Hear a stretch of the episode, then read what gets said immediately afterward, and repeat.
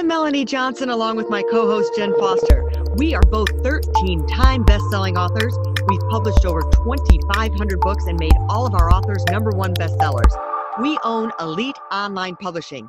If you want to become a best selling author, look us up at eliteonlinepublishing.com. Now, welcome to the podcast that shares secrets from top industry experts that show you how to get lasting success and results. This is the Elite Expert Insider Podcast. Hey, it's Melanie Johnson. How everyone's doing today? Hope you're doing great. And Jen Foster, my business partner, is here with me. Hi, Jen. Hey, everyone. How's it going? So we want to remind you before we get started, we have an incredible show for you today to make sure you subscribe to the show, right? And share it with everyone you know because we're always here to inspire you, motivate you, educate you, help your business, and help you personally. So we cover everything here um, that's going to make you better and make your life better. So today I have a really great guy that I recently met. His name is Michael Neely. And don't confuse it because I've, I've messed up his name. Hard to mess up Neely, right?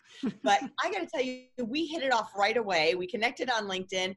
And oh my gosh, this guy is supercharged. He does a lot of things, but today we're going to talk about podcasting. So if you've ever thought thought about having a podcast, looking at having a podcast, this is where you want to be today for today's show. He's going to give you the inside scoop why you should have a podcast, how to do a podcast, and the secrets to make it easier and more streamlined and how to do it. So, Michael, thanks so much for coming today. Oh, thank you for having me. I'm excited to be here and I, I love your community and looking forward to sharing with them. That's great. Well, tell us a little bit how you got started into podcasting and how you got to be who you are today. you know, it's uh, interesting. I kind of fell into it, quite honestly. I was working in the space of personal coaching, life coaching a little bit, if you will, but one of my specialties is in the area of mindset and overcoming limiting beliefs. And I was working with a client, and he was having some really cool aha moments, and we decided we should probably record this so he would have it for later to review. And when we were done with the recording, we played it back and he said, dude, that sounds really cool. You should start a podcast. And I literally, I said, well, what's a podcast? Uh, this was in 2014. I'd never heard one in my life. I never listened to one. I'd heard the word. I mean, but I didn't know what one was. What's how does it work? None of that. Literally 14 days later, I launched my show, and that was in 2014. And and it was just kind of all over the map. It was very sporadic, and I didn't know what I was doing, quite honestly. But then I saw a webinar about podcasting. I learned what a podcast could be. I shut down my show. I hired a mentor. I relaunched a month later as a seven day a week show, and that's when my firstborn, consciously speaking, took off. So tell us the, the importance of having that mentor. I mean, you have a course that you're offering on podcasting. So a lot of times it's pod, I'm going to call it podcast overwhelm. People are like, oh man, I'd love to have a mm-hmm. podcast, but oh my gosh, I'm so overwhelmed. I don't know where to start. I don't know any of the language. You know, what's Libsyn? I don't know what any of this stuff is. So what are some of the ways you can get over podcast overwhelm and tell us how important it is to have someone to lead the way for you and teach you? Yeah, well, I love that question, Melanie. And one of the challenges with podcasting, at least one of the challenges that keep people from taking that leap, is they think one, the technology is going to be super hard. It is not. Trust me. Like I said, I launched my first show within 14 days. They think it's going to be a lot of work. It is not. It's relatively easy to do. You learn batching processes and you learn systemization. And I literally teach my clients you can spend one day a week, I'm sorry, not one day a week, one day of the month and put out a weekly podcast, just devoting one day a month to it. So those are the big things that stop people, that overwhelm concept. The thing that is important about having a mentor is the strategy is what's important. Anybody can launch a podcast, quite honestly. It's it's really easy. But it's the strategy. How do you grow an audience? How do you actually monetize it? How do you stay in for the long haul so that you don't end up pod fading, the term in the industry for most shows, which don't make it past seven episodes.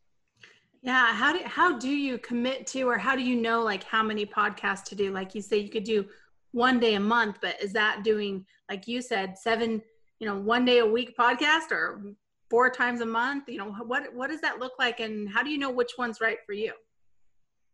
right. Yeah. That's also a great question, Jen. And I get asked that a ton by people. And one of the things that you know, really helps to solve that issue is what's easy for you, first of all. Don't put yourself into a state of overwhelm. When I was doing a seven day week show, by the way, I was falling in a format that was somewhat cookie cutter. I, you know, someone else like my mentor said, this is a good way to do it. You'll really grow your audience fast. And there was a lot of truth in that. But after a while, I was like, I started to get burned out on. It. I'm like, this wasn't right for me. Mm-hmm. And so in season two, I pulled it back to three episodes a week. And then after that, I pulled it back to one episode a week and I launched another show. So the, the truth is, there is no one set way to do it. And you just really got to find your own groove and build your show that way. And then the big thing that I teach, which is so important, which I think a lot of people miss, is I call it reverse engineering your show. Yeah. Start with what it is that you want to offer the world. Do you have something, a gift you want to put out there, be it your message or you created an online course? Uh, how do you want to monetize that? Do you have something that you can sell? And then if you go, okay, well, this is what I want to sell, then I start to look at, okay, who is going to buy that from you? Now, a lot of people come to me, they've already got a business, so they already kind of know what they're selling and who's buying. Now they want to create a show. And I say, okay, well, let's create the show that is going to attract that ideal audience. And then you can make your offer and you'll monetize it. And that's probably the easiest way to monetize a show, though I do teach seven ways in total. So well, hopefully that answers that question. Is one great way to to do your podcast but explain like people may say well why should i do a podcast? Give us some good reasons why someone should start a podcast and what the benefits are for them. Yeah and uh, i love that way to approach it because monetization may not be your goal. Quite honestly there are a lot of podcasts that are out there that are trying to create a movement or they're just trying to do it as a hobby and that's totally fine. But one of the things to really look at when you're creating that show is what what is your objective? What is your mission? So as an example with consciously speaking i just started it i, I had no idea you could monetize a podcast. But what i wanted to do was to wake up the planet one person at a time. That show is all about mindfulness and being more conscious and aware. And so i thought let me just do this. This was something i felt a passion for. And then if you want to you could turn it into a way to monetize it, or you could decide to just grow it into a movement. There's so many ways that you could approach it. But the reason it's important to have something there is because if you don't, you'll you run the risk of getting to burnout because it is some work to it. There's some effort involved and there's a little bit of an expenditure to it. You've got to pay for your hosting platform and you may have to pay for some other uh, editing software potentially. So, you know, you want to make sure that there is that reward that you're getting some some form of a return on investment for your time and effort and that could vary from person to person too for sure so do you need a big equipment list or do you need to buy like all the microphones mm-hmm. and stuff like what what kind of equipment right. do you need yeah, I, it's so funny. I started my show with a $25 Logitech microphone headset. It was one of those little things you wrap on. It had an ear phone on one side, the little microphone popping down. It was a USB connector right into my laptop. And that was all I needed. And it worked. Now, as I evolved as a podcaster, I upgraded. But even then, I tell people now you can launch a podcast for really decked out equipment for under $500. The, the great microphone that I recommend to most people is an ATR 2100 by Audio Technica. $99 on Amazon and it's got a USB connector. And if you've got a laptop or even your desktop, you can plug it right in and start your show. It's pretty much all you need. Yeah, and I'm kind of going back to the monetization thing again. And um, mm-hmm. I know mm-hmm. that we have different ways. Like for us, my brother used to make fun of us saying, You don't have that many views. Like, why are you doing this? Like, you know, you think you'd have more views by now. And I said, That's really not our purpose. Our purpose is to educate and inform and inspire. But it's also, we've made so many different strategic relationships. We've gotten clients from our podcast. So, um, you know, there's a bigger picture besides just how many people, how many views you're getting on YouTube. So you have to think about that too. So we teach in our book podcast authorized that's just coming out that you know you can invite someone that you're trying to do business with you're giving them value by inviting them to be on their show on your show and then all of a sudden they have an asset to do that. Yeah, I love that you've come back to that, Melanie, because it was another piece that I had meant to say and totally forgot. And, and you've reminded me here is that the side benefits of having a podcast beyond the potential money to make beyond the audience, the listeners, it's the relationships that you build. I have made some of my best friends through podcasting. I've met them at podcasting events. They've had me on their show. We met that way. I've had them on my show. I've met some of my friends that way.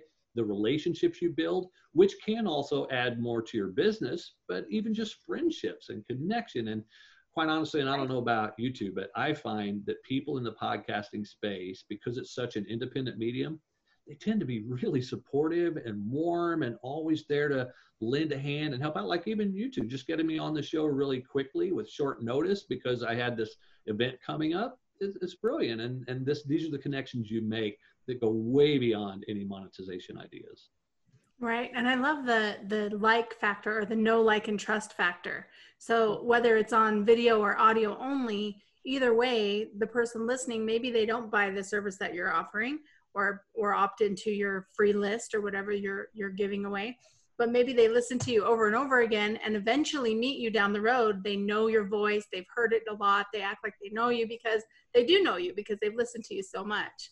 Right. I know so many people that say they feel like they know Joe Rogan because they listen to his podcast so much and and they've never met him of course right yeah yeah and it's one of the cool benefits i think as a side thing as well jen is of course a podcast will build your authority and it will help you to uh, kind of put you on the map a little bit but the no like trust factor is more intense with a podcast i think than just about any other medium because when you think of it you're going right into their heads. Most people are listening with earbuds or headphones or something, and literally your words are just permeating their head right there. And it really creates this intimacy. And there was actually a study done that showed that advertising on podcasts is about, I think the number, if I recall it correctly, was 132% more effective than other forms of advertising right now because of that no like trust factor with the host. It's really incredible. I'm writing that down 132% more effective. So my background yes. is television. I used to own TV stations. And so we would say, you know, trying to sell airtime. I mean, that's a huge selling point to anybody, especially if it's your target audience. Oh my gosh, than than anywhere else. I think that's huge.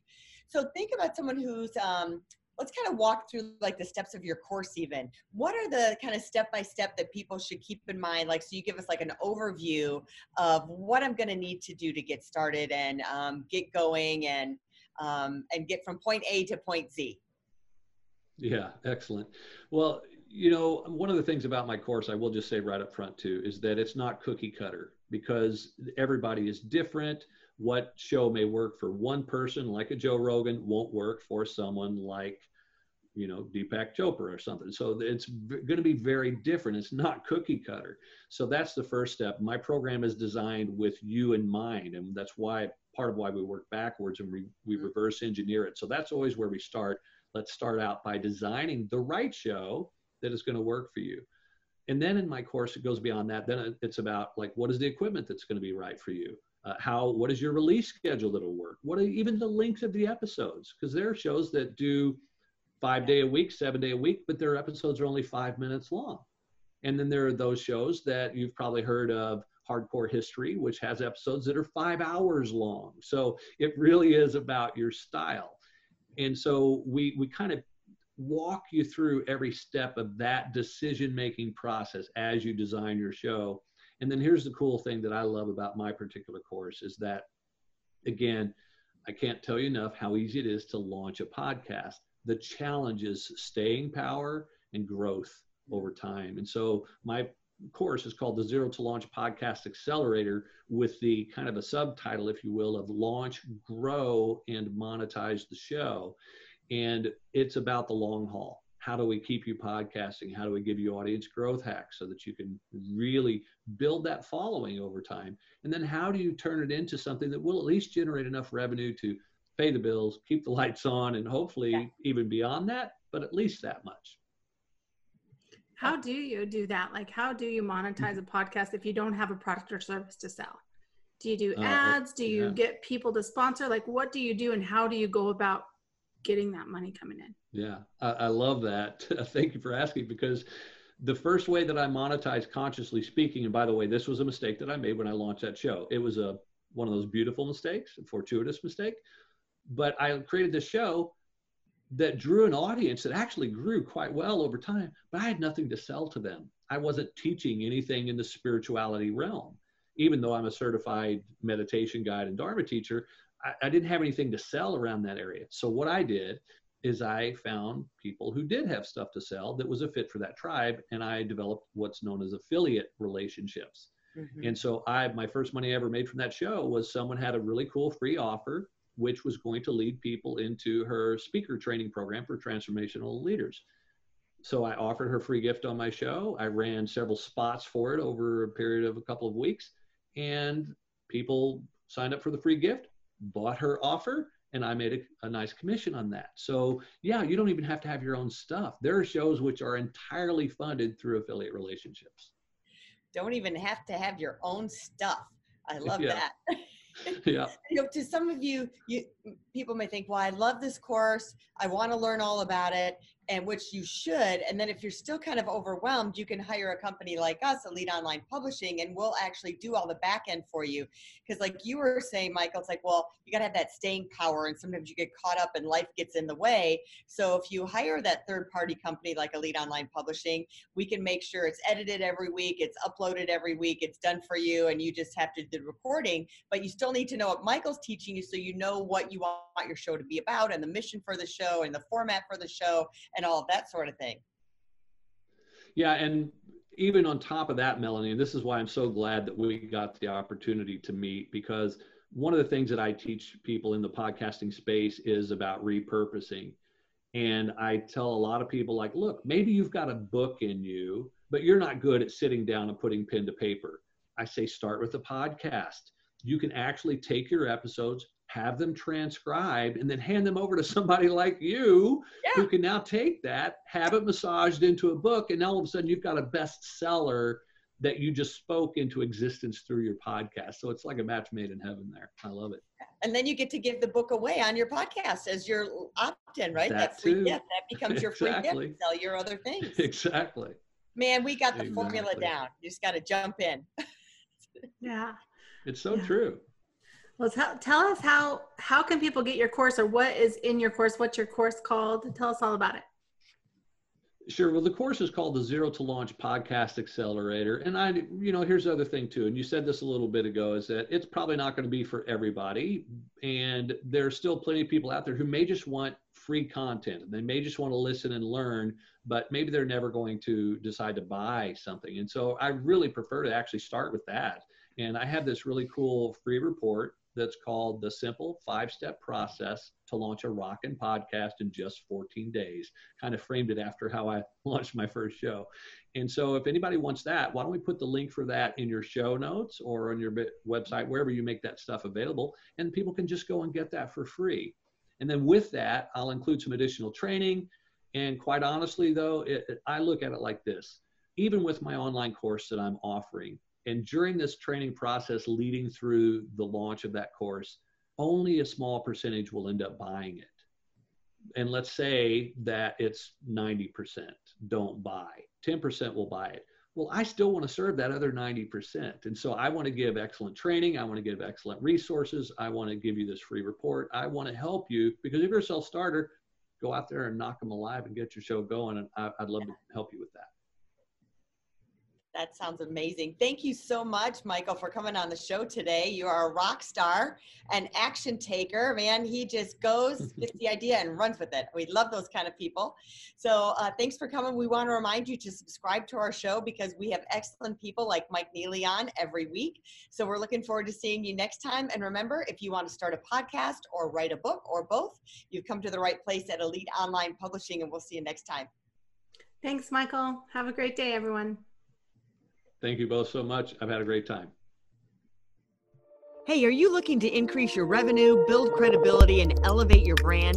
This podcast is brought to you by Elite Online Publishing, an innovative publishing and full spectrum marketing company.